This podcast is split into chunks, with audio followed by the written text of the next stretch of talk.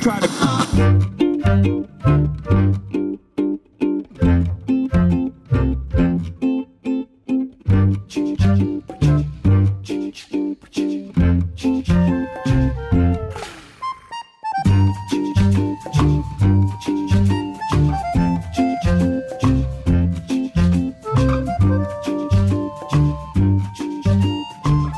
Hej, hallå och välkommen till ett sifferigt avsnitt av Frekvens. Jag som pratar just nu heter Daniel Olofsson och på andra sidan av dekagonbordet sitter mannen med för många sifferkombinationer i huvudet, Erik Bäckman. Hur är läget? Hej, hej. Ja, det är väldigt bra idag faktiskt. En liten kort period bakom mig med eh, lite förkylning sådär, lite lätt. Men nu är jag på högsta nivå igen. Härligt. Och hur mår du själv? Eh, jag mår bra. Det har varit en halvstökig natt med två barn som inte vill sova och så ska man försöka sova själv. Det, det är som det är, men det går över. Ja, om tio år ungefär. Eh, du, det är ett sifferrikt avsnitt idag. Ja, när jag skrev intros till det här så skrev jag sifferrikt, alltså med E. Och då kom det självklart upp sånt där rött tjafs och menade att det här är felstavat eller inget ord. Och eftersom jag brukar stava rätt så tänkte jag, hmm, det här är inget ord. Men det borde det vara. Så jag googlar upp hur ett ord blir till i den bemärkelsen och hur det då kommer med i ordlistan. Och då är det så här. isof.se, alltså institutionen för språk och folkminnen, där står det beskrivet hur ett ord blir godkänt. Alltså, det är ju inga som sitter och, och bestämmer att nu tar vi in ett nytt ord här, eller hur? Nej, ja, det hade varit kul om det var det. Men det är det inte, utan det, då är det så här att de som använder ordet, alltså språket, det är de som accepterar att ett ord blir till. Så att, nej, det är, ingen, det är ingen jury som säger det här ordet får vara med, det här ordet får inte vara med och så. När, när tillräckligt många börjar använda sifferrikt så kommer det vara ett godkänt ord med Svenska Akademins ordlista. Med det sagt så tror jag att det kommer dröja innan sifferrikt blir ett vedertaget ord. Hur lång tid tror du att det dröjer? Det tragiska med det här är att siffrigt är ett ord. Eller ja, slang, eller vad man... Nej, men det är Ja. ett ord. Så jag la ju ner ändå några minuter på att komma fram till slutsatsen att jag är lite dum i huvudet som stavade fel. Men nu vet du hur ett ord blir till i alla fall. Ja, till, eh, till vilket pris? Jag kan bli så trött på mig själv ibland när jag går in och så här snöar in mig på någonting som, är, som jag tror är jätteviktigt, som inte är det. Ja, men det är tur att det är bara du som blir trött på dig.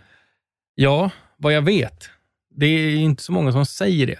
Men jag lever ju inte med så många personer heller, så att om fler hade exponerats för mig, så kanske fler som hade tröttnat också. Jag vet inte. Okej, det är ett siffrigt avsnitt, eller sifferrikt avsnitt idag. Och du har gjort en spaning, Daniel. Jag har gjort en spaning och vissa vill väl kalla det här för någon slags trendanalys. Vissa kanske kallar det för en bättre körning. Jag behöver inte säga eller sätta något namn på det, utan jag vill kalla det här avsnittet i alla fall för Spring i butik. Och har du inte hört avsnittet Echoes of Victory, så lyssna på det först, helst. Du kommer få en bättre förståelse för det, för det här avsnittet. Då. Och sen fortsätter du att lyssna på det här avsnittet. Ja, det kan man göra. Har man avsnittet färskt i bakhuvudet så blir det bättre.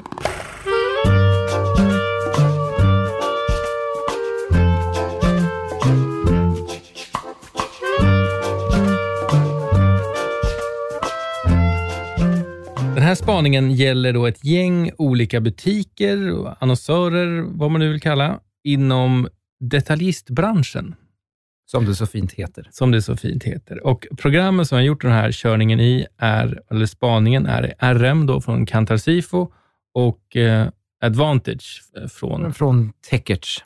eh, men det är Sifo Data, eller vår radiodata. Ja, egentligen är det vi som ligger bakom det här tillsammans med kollegorna i branschen när vi säljer radioreklam. Eh, innan jag börjar redovisa ett resultat så vill jag ändå ge lite historik. Och först ska jag säga att jag har inte kollat på alla annonsörer i den här branschen, utan tagit stora aktörer inom då detaljister, som RM har definierat. Och då har jag valt Apoteket, Apoteksgruppen, Arkens Zoo, Autoexperten, Bauhaus, Beijer, Biltema, Blomsterlandet, Bolist, Byggmax, Circle K, Citygross, Clas Ohlson, Colorama, Komfortkedjan, Kubus, Dressman, Eldabutiken, Elgiganten, Ellos, Elkedjan, Elon Elkedjan, Elon, EM Home, Grolls, Guldfynd, Hemköpskedjan, Hornbach, ICA, IKEA, Indiska, Intersport, Jaktia, Gemofix, Jula, Candice, Kids Brand Store, K-Rauta, Kronans Apotek, Lekia, Lidl, Life, Mall of Scandinavia, Meka, Mediamarkt, Mekonomen, Mio, Naturkompaniet, ÖoB, Plantagen, Reitan, Rusta, Sängjätten, Sova Sängbutiken, Stadium, Stjärnumakarna, Stockholm Quality Outlet, Bad och Värme, Svedol, Team Sportia, Teknikmagasinet, Willys, Excelbygg och XXL Sport och Vildmark. Det, det var ett gäng. Det får man väl säga är ett hyfsat stort underlag till att kunna måla med någon slags bred pensel i alla fall. Och för dig då som inte hann räkna, så det här är 64 annonsörer. Det är 64 annonsörer som riktar sig till en bred massa. Annonsörer som vill ha mycket spring i butiken. Det kanske alla vill i och för sig, men Ja, det brukar i alla fall inte gå så bra för de som inte vill ha spring i butiken. Eh, men skämt åsido, man kan ju vilja ha lite olika spring i butiken. Alltså det finns kanske en, en butik som riktar sig till handel, yrkesverksamma, kanske rörmokare eller så. ja, Men generellt sett vill man ju ha, sälja mer. mer spring i butik är bra. Hur som helst, historiken då kring den här branschen är att den är lite spretig. Eh, Spretig. Ja, alltså att vissa annonsörer köper mycket radioreklam. Andra stora annonsörer köper ingenting. Sen finns det mindre annonsörer som köper mycket och självklart mindre annonsörer som inte köper någonting. Och när vi säger köper, så säger vi, då menar vi egentligen radioreklam, eller hur? I det här fallet. Ja, och speciellt då nationell radioreklam i det här. Mest. Kommer förklara lite mer sen. Och Det här kanske inte särskiljer den här branschen, men nu berättar jag hur den här ihopbyggda branschen är. Jag har sedan kollat i Advantage hur mycket TRP de här har köpt sedan 2017. Och Jag ska börja med att säga att antalet TRP-kunder, alltså antalet de som köper nationell reklam 2017 var 25 stycken. Helåret 2020 är antalet 37 stycken. Och Det är en ökning med 48 procent för den som var väldigt snabb på huvudräkningen. Redan nu, vecka 41, när jag gjorde den här körningen, så var antalet 38 stycken annonsörer som köper nationell radioreklam. Och det här behöver ju inte betyda att den här branschen växer jättemycket. Man kanske tänker att eh, ja, men det är många mindre annonsörer som köper väldigt, väldigt lite och så har de blivit fler. Så kan det vara, men riktigt så är det inte. För att när jag kollade antal TRP så har den också ökat med 48 procent. Från 28 000 TRP till 42 000 TRP i runda slängar. Och redan nu, vecka 41, så ligger vi på en 33 000 TRP. Alltså mer än helåret 2018. Så det kommer ju bli ett rekordår i år. Och jag älskar rekordår. Och Det som är intressant är att det här är ju en ökning som kommer under en pandemi också, när spring i butiken kanske inte var den primära fritidssysslan hos gemene man. Nej, precis där. Men sen, sen har du gett dig in i Excel nu. Ja, för sen ska jag ju ner och nörda i Excel och jag vet att du älskar formler i Excel. Ja, ju längre de är och ju fler parenteser, desto bättre. Men du körde en enkel. Jag, jag körde en enkel count-if-formel. Alltså count-if greater than någonting, alltså greater than 500. Alltså annonsörer som köper mer än 500 TRP per år. Och de var 2017 12 stycken. Och nu, eller nu, 2020 så var de 22 stycken. Och hittills i år så är de 23 stycken. Så ett rekordår där också. Och sen Daniel, om jag känner dig rätt, är det så? Har, drog du det här vidare sen? Jag drog det vidare. Jag körde en count-if till, greater than 1000, alltså annonsörer som köper mer än 1000 TRP per år. Och nu börjar vi komma upp på de riktigt stora drakarna. 2017 var det sju stycken annonsörer som köpte mer än 1000 TRP och 2020 så är det 14 stycken. En ökning med den jämna siffran 100 procent. Dubbelt så många. Bra räknat. Och snabbt. Ja, men väldigt.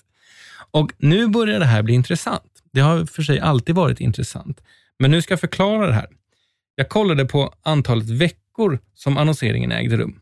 Exempelvis om Biltema annonserar 20 veckor och Lidl annonserar 20 stycken veckor. Då blir det 40 stycken annonsörsveckor. Så, så när vi snackar om annonsörsveckor, så det är liksom den totala summan av alla annonsörsveckor. Ja, antalet veckor där. Ja, precis. Och de här annonsveckor eller annonsörsveckor, vad vi nu vill kalla det, de har gått från knappa 300 till 432. Och nu tittade jag på de 18 största annonsörerna 2020 och deras utveckling. Annars kanske det blir lite skevt vad man ska titta på och inte titta på. Men då tittade jag på dem och så kollade jag hur de hade gjort eh, tidigare och ser förändringen där. Då. Det jag såg var att de här annonsörerna växlar upp i antalet veckor som de annonserar. Intressant.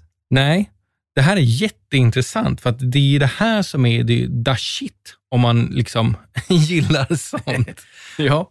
Den som har hängt med lite i podden börjar förstå varför det här är så engagerande och upphetsande för en simpel analytiker som dig och mig. Ja, jag, jag börjar redan ana vartåt det här barkar och jag kan knappt bärga mig tills du berättar nästa steg. När vi kollar på snittleveransen per vecka, då sjunker den. Den minskar med 42 procent under den här fyraårsperioden. Och vid en första anblick på ett stapeldiagram där det går neråt så tänker man, det här är inte bra. Nej, minskningar är ju sällan populärt. Precis, för more is more, more is better och Less is less och less is uh, verse och så. för det är klart det hade varit trevligare för oss om både antalet veckor och TRP ökade. Men det är ganska mycket att begära av våra annonsörer, i alla fall samtidigt, att de ska öka veckorna och öka trycket. Men nu kanske någon sitter och funderar på om det här då är ett problem, den här minskningen. Nej, jag tänker mig att det här är ett ganska väntat beteende eftersom investeringen sprids ut på flera veckor istället för att liksom bomba två veckor eller tre veckor. Eh, ja, eller det kanske är kampanj hela tiden, varje vecka. Jag vågar inte uttala mig om det, men det som har blivit är att det är ett lägre tryck under flera veckor. Och Det här är något som kommer att gynna kundens ROI med tanke på produkters köpcykel, den här Ecos och Victory-studien. Precis, nu börjar jag känna igen mig i det hela. En bred detaljist bör ju då prata med alla lite då och då eftersom det är svårt att tajma ett köpbehov hos en kund. Jag kommer köpa en ny hammare på julen när min går sönder, inte för att jag hör en reklam att nu finns det hammare. Kanske också, men eh, det- är behovet som styr köpet snarare än att det är en- en radioreklam som nu ska vi köpa en ny hammare. Det där är en typisk sällanköpsvara skulle jag säga. Ja, precis.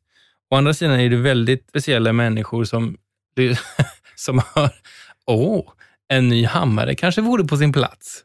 Precis, och så lägger man den tionde den här månaden på hyllan. Ja, precis.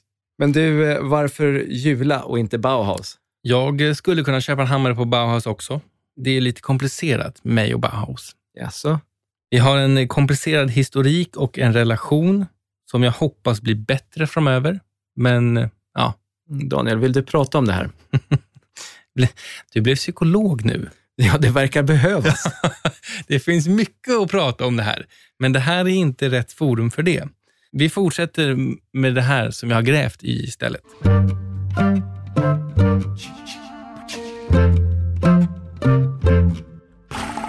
Jag är ju en person som tycker det är viktigt att, viktigare att höja lägstanivån än toppen. Jag vet inte varför jag tycker så. Jag borde inte vara en sån person eftersom, ja, back in the day så höll jag på ganska mycket med höjdhopp och då kommer man inte så, så högt eller långt om man siktar på att höja lägstanivån. Nej, det är höja mattan då. då. Ja, nej, jag vet inte.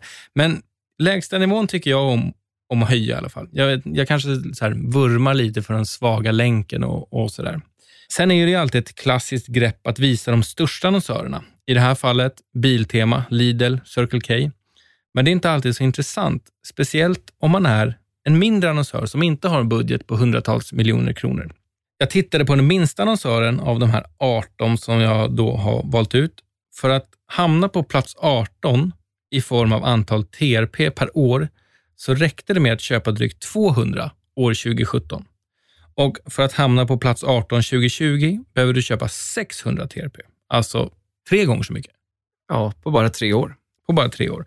Och nu, plats 18, hittills, ligger på 608 TRP. Så att även där kommer du få ett rekordår till, förmodligen. Ja, det tycker jag. Så vad är det då som händer? Jo, fler kunder kommer in i radio och jag tror att det fungerar för dem, så de växlar upp. Skulle det kunna vara så att eh, de växlar upp för att det inte funkar? ja, ja, så kan det vara. Jag vill inte stänga några dörrar. Eh, det hade varit tråkigt om det är så. För dem alltså.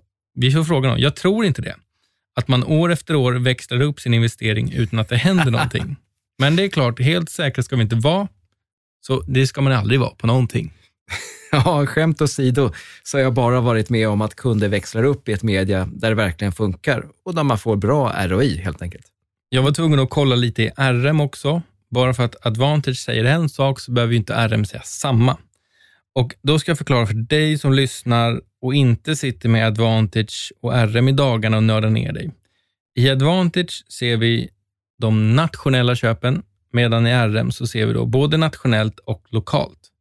Så Vissa kunder kommer inte alls med i Advantage, men kan vara stora radiokunder tack vare att de köper mycket lokalt. Så som Coop, Colorama, Swedol, Autoexperten och ett gäng till. Och retorisk fråga här då. Varför kollar vi inte allting då i RM?